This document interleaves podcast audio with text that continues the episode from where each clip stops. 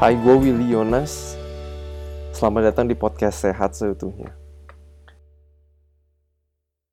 Alright, selamat datang lagi di podcast Sehat Seutuhnya bersama gue Willy Yonas. Dan pada podcast kali ini gue mau membagikan mengenai bagaimana sih caranya merubah kebiasaan kita. Jadi prinsip-prinsip yang bakal gue bagiin ini bisa uh, juga diaplikasikan di bagian kehidupan kalian yang lain mungkin cuman mungkin bukan cuman di bagian kesehatan tapi kalau misalnya kalian pengen dari yang tadinya bangun pagi itu selalu telat selalu jam 9 gimana sih merubah kebiasaan itu? Akhirnya lu jadi bangun pagi jam 6 pagi.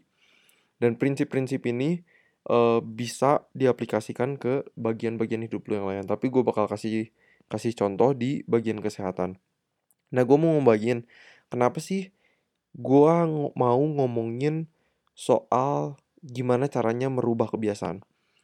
Karena kalau yang gue lihat, ini adalah kunci jawabannya, gimana caranya orang bisa hidup lebih sehat. Kenapa? Karena ini di salah satu buku yang gue baca, United States Health in International Perspective, Shorter Life, Poorer Health. Ini bukunya di tahun 2013. Ini yang mereka katakan, Penyakit kronis seperti penyakit jantung, stroke, dan kanker sering muncul sebagai produk sampingan dari bagaimana orang hidup dan berperilaku. Nangkep nggak nih lo? Jadi penyakit-penyakit kayak jantung, stroke, kanker, diabetes, tinggi kolesterol, hipertensi, sering kali itu tuh disebabkan oleh karena gaya hidup kita atau bagaimana kita berperilaku. Nah, kalau kita ngomongin juga soal pola hidup, kita harus ingat kalau pola hidup kita itu bukan tergantung dokter, tapi tergantung kita masing-masing. Kenapa? Kalau dokter itu tugasnya memastikan kalau dosis yang dosis obat yang mereka kasih ke pasien itu harus benar. Nah, kalau itu dosisnya obat itu benar-benar tanggung jawab dokter. Tapi kalau ngomong kita ngomongin soal kebiasaan olahraga, tidur cepet nggak begadang, makan sehat, jangan jajan sembarangan, makan seenaknya aja. Itu bukan tergantung dokter karena dokter atau perawat itu gak bisa ada di samping kalian 24 jam. Tetap sekali lagi hidup kalian itu kalian yang jalanin dan gaya hidup kalian itu tergantung kalian sendiri. Kalau ngomongin kebiasaan, pertanyaannya apa sih yang ngebentuk kebiasaan yang lu punya atau yang gue punya? Contoh, salah satu kebiasaan yang gue punya itu adalah bangun pagi. Jadi kalau gue biasa jam 5, 5.30 itu gue udah bangun. Dan kenapa sih gue punya habit itu? Nah kalau di Bandung, paling nggak di Bandung ya. Dari kecil gue itu masuk sekolahnya cukup pagi. Jadi jam 6 pagi itu kita udah harus berangkat dari rumah. Jadi gue udah mulai punya kebiasaan itu dari gue kecil. Nah, kenapa akhirnya jadi kebiasaan? Karena bangun pagi ya dari gua kecil dari gua SD bangun jam 5 pagi, mandi, siap-siap, sarapan untuk pergi ke sekolah. Itu tuh sesuatu yang gua ulang-ulang dan ulang-ulang terus.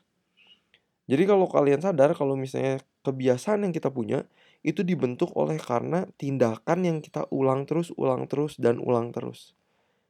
Nah, kalau kebiasaan itu dibentuk tindakan, apa yang membentuk tindakan kita. Iya gak sih? Nah, yang membentuk tindakan kita itu adalah pikiran atau informasi.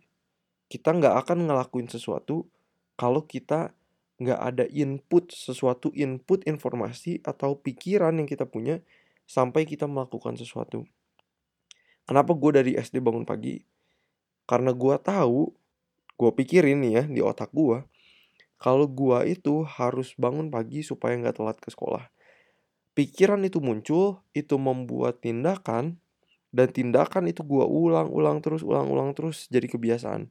Makanya sampai hari ini, gua punya kebiasaan untuk bangun jam 5 atau 5.30 pagi. Jadi kira-kira teman-teman ngerti nggak nih pendengar podcast sehat seutuhnya? Jadi kebiasaan itu dibikin terbentuk oleh tindakan yang diulang-ulang dan tindakan ini dibentuk oleh pikiran kita. Jadi, kalau soal ngomongin kebiasaan hidup, contoh soal makanan. Ya, kebiasaan makan kita itu dipengaruhi dari informasi yang kita dapat di pikiran kita, apakah itu dari misalnya uh, sebuah kultur, sebuah pendidikan yang lu dapat di sekolah, atau dari sebuah iklan, atau enggak dari lingkungan kehidupan lu dari keluarga, lihat dari kakek nenek. Jadi apa yang kita lihat dari kecil, apa yang lu lihat dari kecil, itu itu lu serap ke pikiran dan itu jadi aksi, jadi sebuah tindakan dan kalau kita ulang terus itu yang akhirnya membentuk kebiasaan hidup, kebiasaan makan kita. Informasi yang benar yang mempengaruhi pikiran kita itu juga sangat penting dalam membentuk kebiasaan hidup. Kira-kira kalian ngelihat nggak sih linknya, hubungannya? Karena dari apa yang mempengaruhi pikiran kita, itu yang akan membentuk tindakan kita dan tindakan kita yang diulang-ulang terus akan membentuk kebiasaan hidup.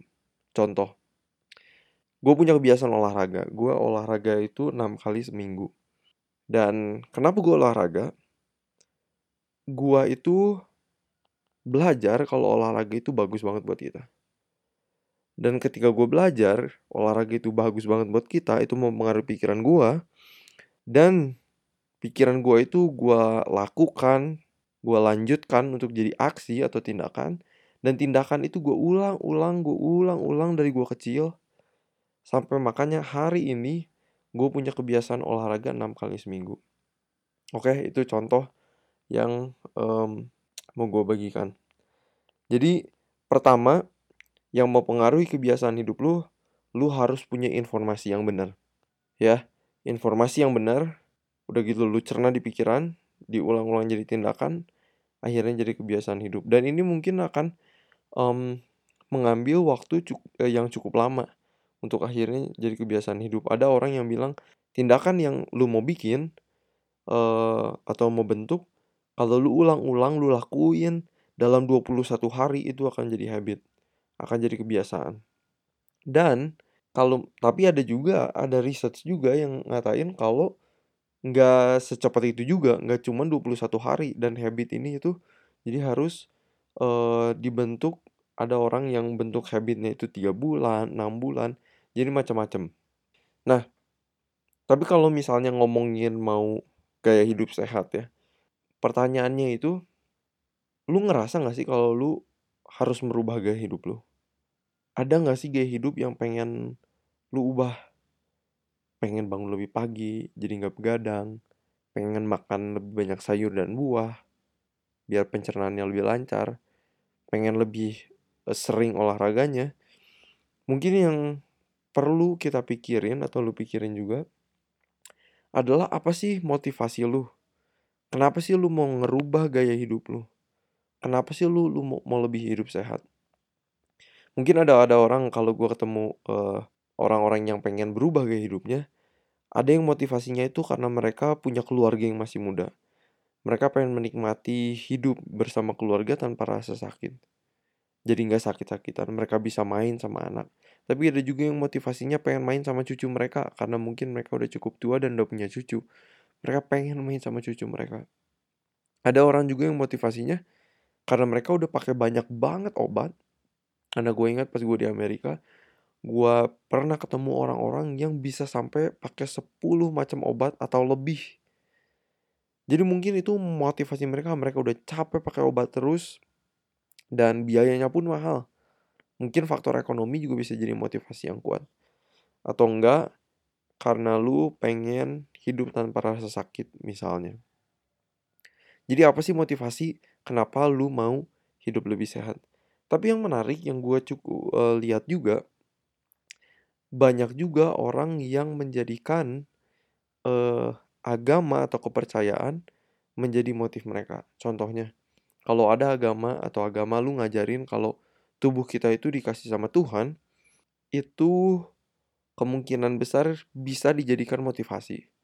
Karena kalau emang agama lu juga ngajarin, kalau misalnya lu harus bertanggung jawab akan tubuh yang Tuhan udah kasih ke lu, itu bisa jadi motivasi lu juga jadi ada juga yang seperti gitu ya Nah ini ada satu hal yang mau gue bagiin hari ini. Ini kayaknya seru banget nih pas gue bahas ini.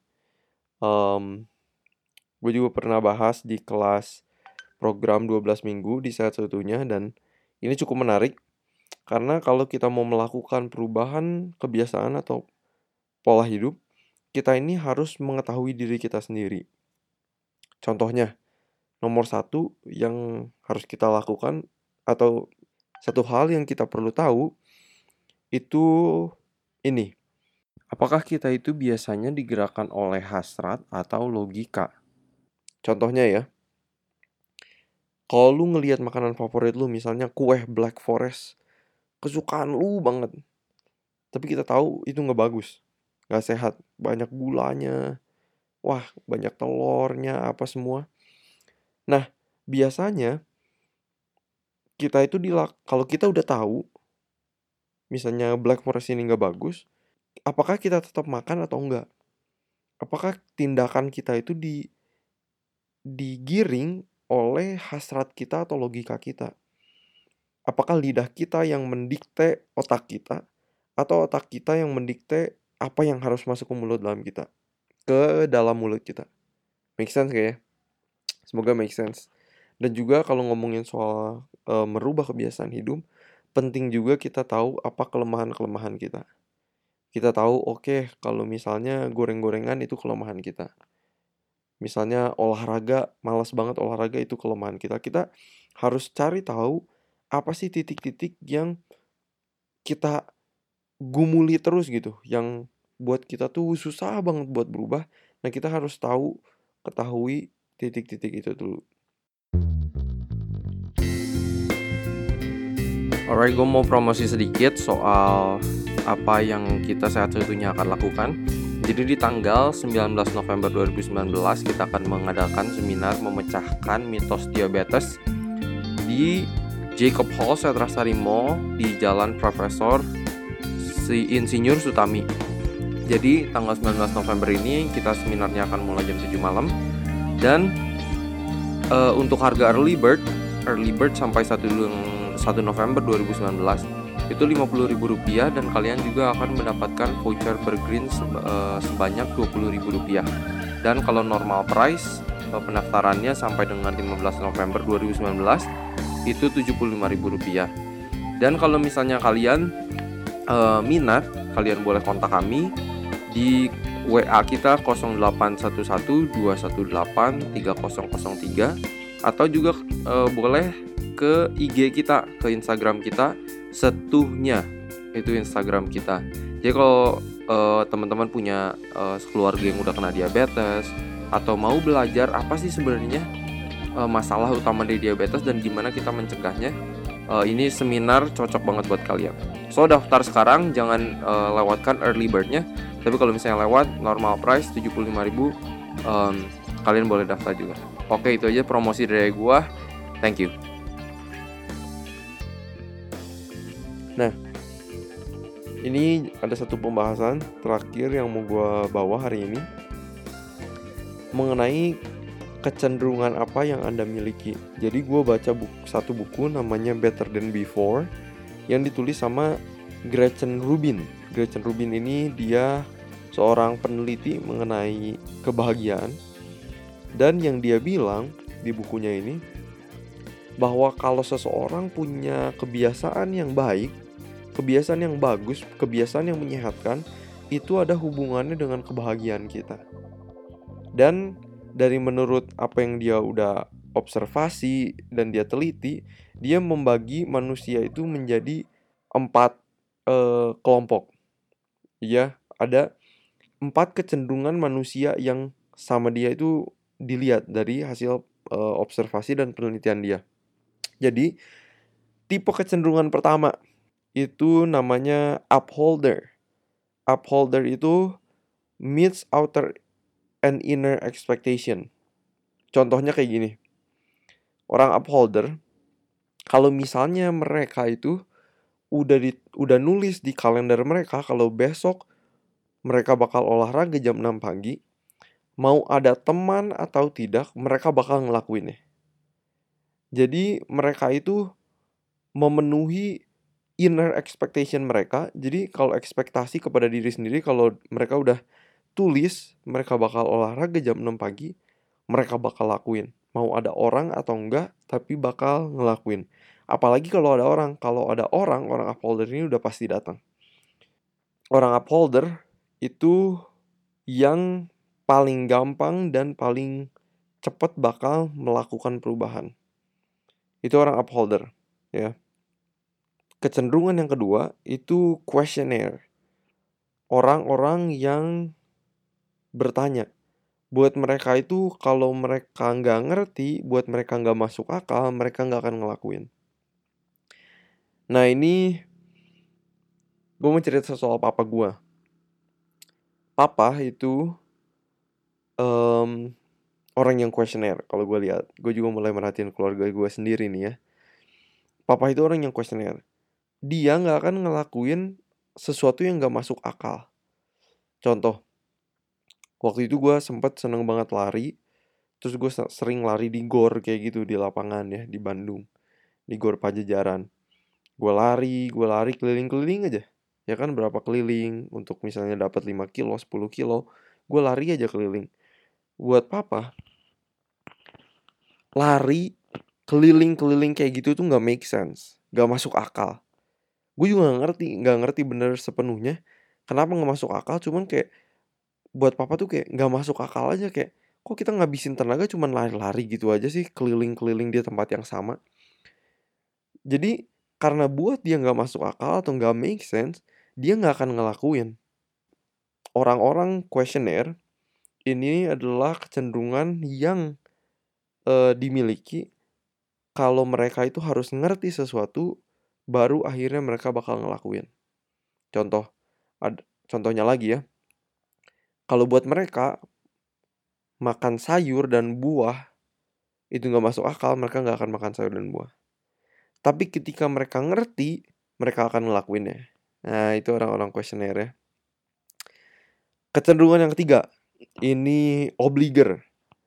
Obliger itu adalah orang-orang yang melakukan sesuatu karena ada ekspektasi dari luar dan ekspektasi ke diri sendiri itu nggak kuat sama sekali. Contohnya, orang-orang obliger ini orang-orang yang kalau misalnya udah janjian besok pagi mau lari pagi jam 6 pagi, kalau semua temen-temennya cancel dia nggak akan olahraga juga. Karena mereka butuh temen yang mensupport dia jadi kalau temennya datang, dia baru datang. Kalau temennya nggak datang dan dia cuma sendiri, dia nggak akan ngelakuinnya. Nah, ini orang-orang obliger. Yang terakhir, kecenderungan yang terakhir adalah kecenderungan rebel. Rebel ini orang-orang yang nggak mau diatur. Mau ngelakuin seenaknya aja. Orang-orang rebel ini orang-orang yang mau melakukan segala sesuatu dengan caranya di, dengan diri sendiri melakukan apa pun terserah mereka. Nah, jadi kalau orang-orang rebel ini agak susah ya. Um, udah dikasih tahu nggak mau denger. Udah sakit, misalnya udah kena hipertensi, disuruh mak uh, disuruh banyakin makan sayur buah, berhenti makan daging atau makan gorengan. Itu susahnya bukan main. Mereka nggak mau nurut. Mereka mau hidup seenaknya aja.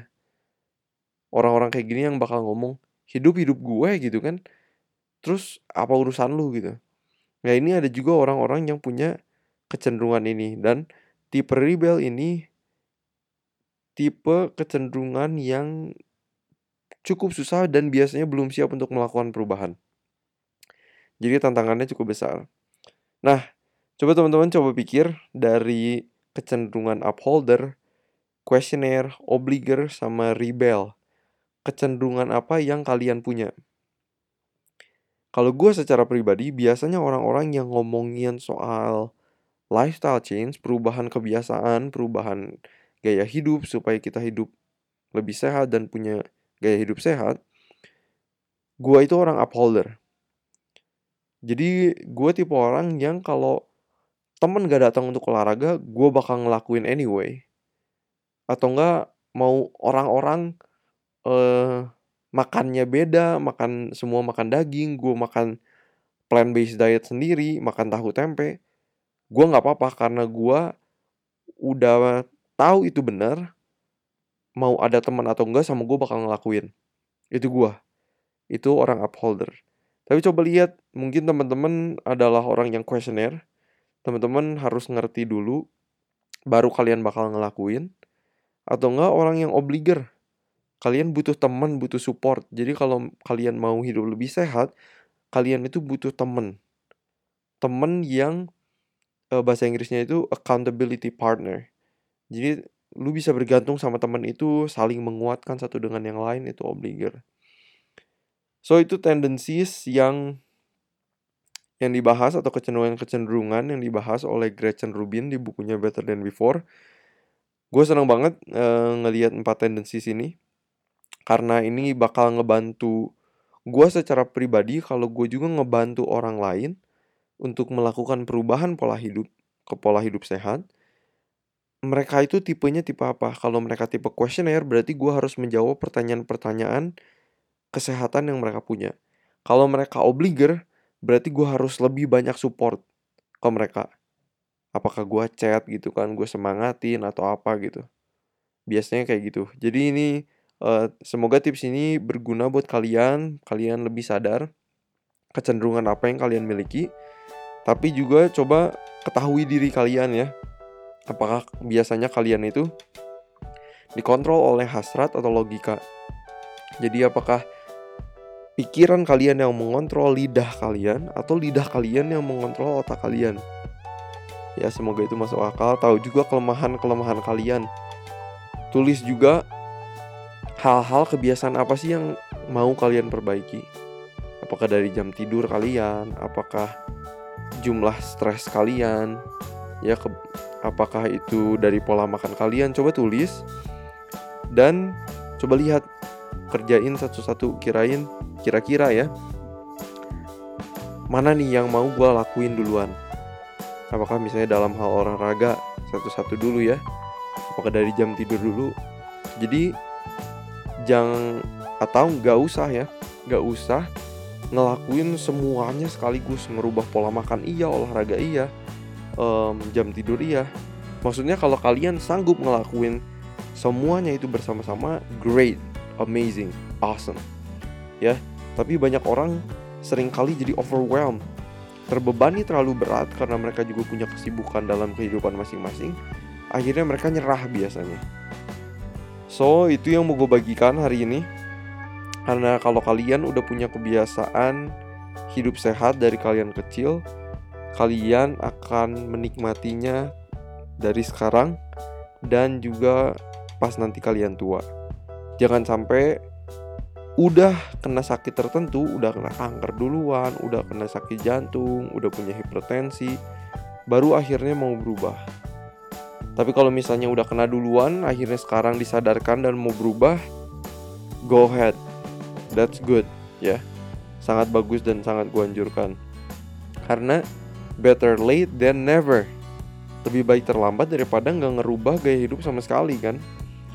So itu yang mau gue bagiin. Semoga ini uh, memberikan insights mengenai perubahan gaya hidup. Nanti juga gue bakal bagiin tips-tips yang lainnya. Semoga kita akan lebih sehat, sehat seutuhnya. Dan semoga harapan gue tips ini akan berguna buat kalian yang mau mulai melakukan perubahan pola hidup. Apakah itu dari hal makanan lebih membanyakin makan sayur buah berhenti makan yang snack snack minum minuman manis daging ya. Atau enggak dari hal olahraga lebih sering olahraga atau enggak dari jam tidur perbaiki jam tidur kalian. Jadi inilah yang mau gue bagiin. Salam sehat gua Wilionas dari podcast sehat sebetulnya